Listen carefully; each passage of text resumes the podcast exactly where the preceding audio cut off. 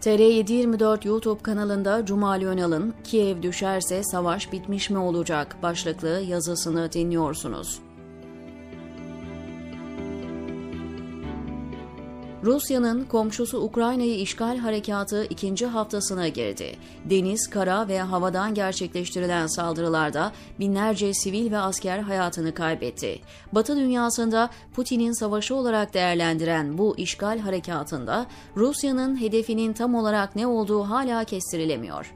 İlk günlerde hızlı bir harekatla başkent Kiev'i ele geçirmek istediği yönünde bir izlenim veren Rusya'nın büyük kayıplar vermeye başlayınca bu stratejisini terk ettiği görülüyor. Rus resmi açıklamasına göre Rus ordusu işgalin birinci haftasında 498 askerini kaybetti ki Ukrayna'ya göre bu rakam en az 5 katı.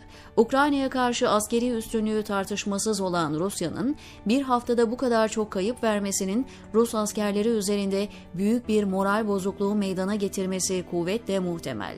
Disiplin ve alkol sorunu, tecrübesiz askerlerin cepheye sürülmesi, yeterli eğitim alınmaması, Rus askerlerin savaş tecrübesinin sınırlı olması, yolsuzluk gibi sebepler Rus kara gücünün zayıf karnı olarak değerlendiriliyor. Putin'in Ukrayna'ya karşı başlattığı savaşla ABD'nin 2003'te Irak'ı işgali arasında önemli benzerlikler bulunuyor. 2001'deki 11 Eylül terör saldırısından sonra Afganistan'a saldıran ABD, Irak'ın elinde kimyasal silahlar olduğunu öne sürerek bu ülkeyi de işgal etmek için gerekçe oluşturmuştu. Hatta bu amaçla dönemin ABD Dışişleri Bakanı Colin Powell, Birleşmiş Milletler Genel Kurulu'nda Irak'ın elinde kimyasal silah bulunduğuna dair belgeler göstermiş, aynı Powell bir yıl sonra bu belgelerin yalan olduğunu itiraf etmişti. Irak ve Ukrayna'nın arazi durumu, nüfusu, yüz ölçümü de birbirine yakın. Irak'ta tıpkı Ukrayna gibi ağırlıklı olarak düz bir coğrafyaya sahip. Savaş başlamadan önce Ukrayna'nın tersine Irak'ın ABD'ye karşı ciddi bir direniş göstereceği, buna gerekçe olarak da İran'la yapılan 8 yıllık savaştan elde edilen tecrübe ve Saddam'ın özel ordusu 200 bin kişilik Cumhuriyet muhafızlarının çok iyi eğitimli olması gösteriliyordu. Bir nevi CNN'in propaganda savaşına dönüşen işgal çok kısa sürede sonuçlanmış, Cumhuriyet muhafızlarının kısa sürede teslim olması ya da silah bırakması ve bir süre sonra da Saddam Hüseyin doğduğu kent Tikrit'te ele geçirilmişti. Ukrayna'da ise tam tersi bir senaryo gerçekleşiyor. Saddam ve ordusunun ABD'yi bir bataklığa çekeceğini öne süren dönemin askeri uzmanlarından farklı olarak günümüz uzmanları ise Putin'in ciddi bir direnişle karşılaşmadan ülkeyi kısa sürede işgal edebileceğini ileri sürüyordu. Fakat beklenenin tam tersi gerçekleşti. Savaşı Ukrayna ordusunun kısa sürede teslim olması ya da devlet başkanı Zelenski'ye karşı bir darbe girişimi üzerine kurguladığı tahmin edilen Putin hiç beklemediği bir direnişle karşılaştı. Zaten ilk hamlede Ukrayna ordusunun belini kıramamış bir Putin için bundan sonra işlerin daha da zorlaşması anlamına geliyor. Öncelikli olarak sahada moral üstünlüğü ele geçiren Ukrayna ordusu ve direnişçiler Avrupa ve ABD'den gelen ve gelecek olan yardımlarla ülkeyi Rus tankları için mezarlığa dönüştürebilir. Elbette Rusya'nın işini çok zorlaştıran bir durumda söz konusu.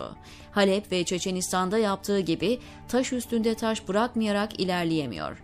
Bunda hem Batı ve dünyadan yükselecek tepkiler ve hem de ileriki yıllarda Ukrayna halkının nefretini çekme olasılığı önemli bir rol oynuyor.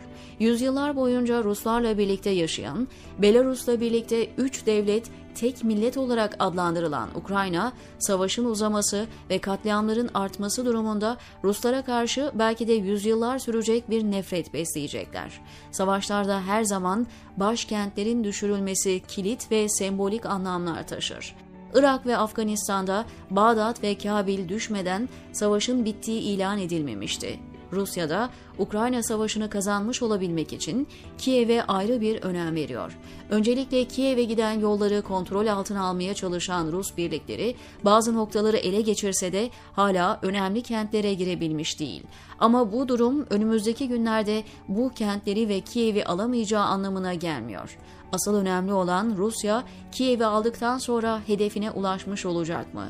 Kesinlikle hayır. Birincisi, Rusya işgal ettiği bölgeleri nüfustan arındıramaz, arındırsa da Ukraynalı direnişçilerin ve ordu birliklerinin sızmalarının önüne geçemeyecek. Bu da gerilla savaşını tetikleyecek ki Rus ordusunun gerilyalara karşı mukavemet göstermesi pek kolay değil. İkincisi, Ukrayna'nın batısı hem Rus nüfusunun çok az olduğu hem de milliyetçiliğin daha yüksek olduğu yerler. Direniş bu bölgelerden örgütlenebilir.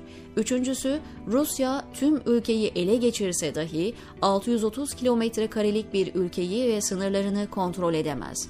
Bir kahraman haline getirilen Zelenski, komşu bir ülkeden de rahatlıkla direnişi yönetebilir. Dördüncüsü, Putin'in Ukrayna'yı işgal etmesinin Rusya'ya herhangi bir getirisi olmadığı gibi Rus kaynaklarının hızla tükenmesine ve gelirinin azalmasına sebebiyet verecek. Buysa Ukraynalılardan çok Rusya içinden Putin'e yönelik tehdidin artması anlamına geliyor.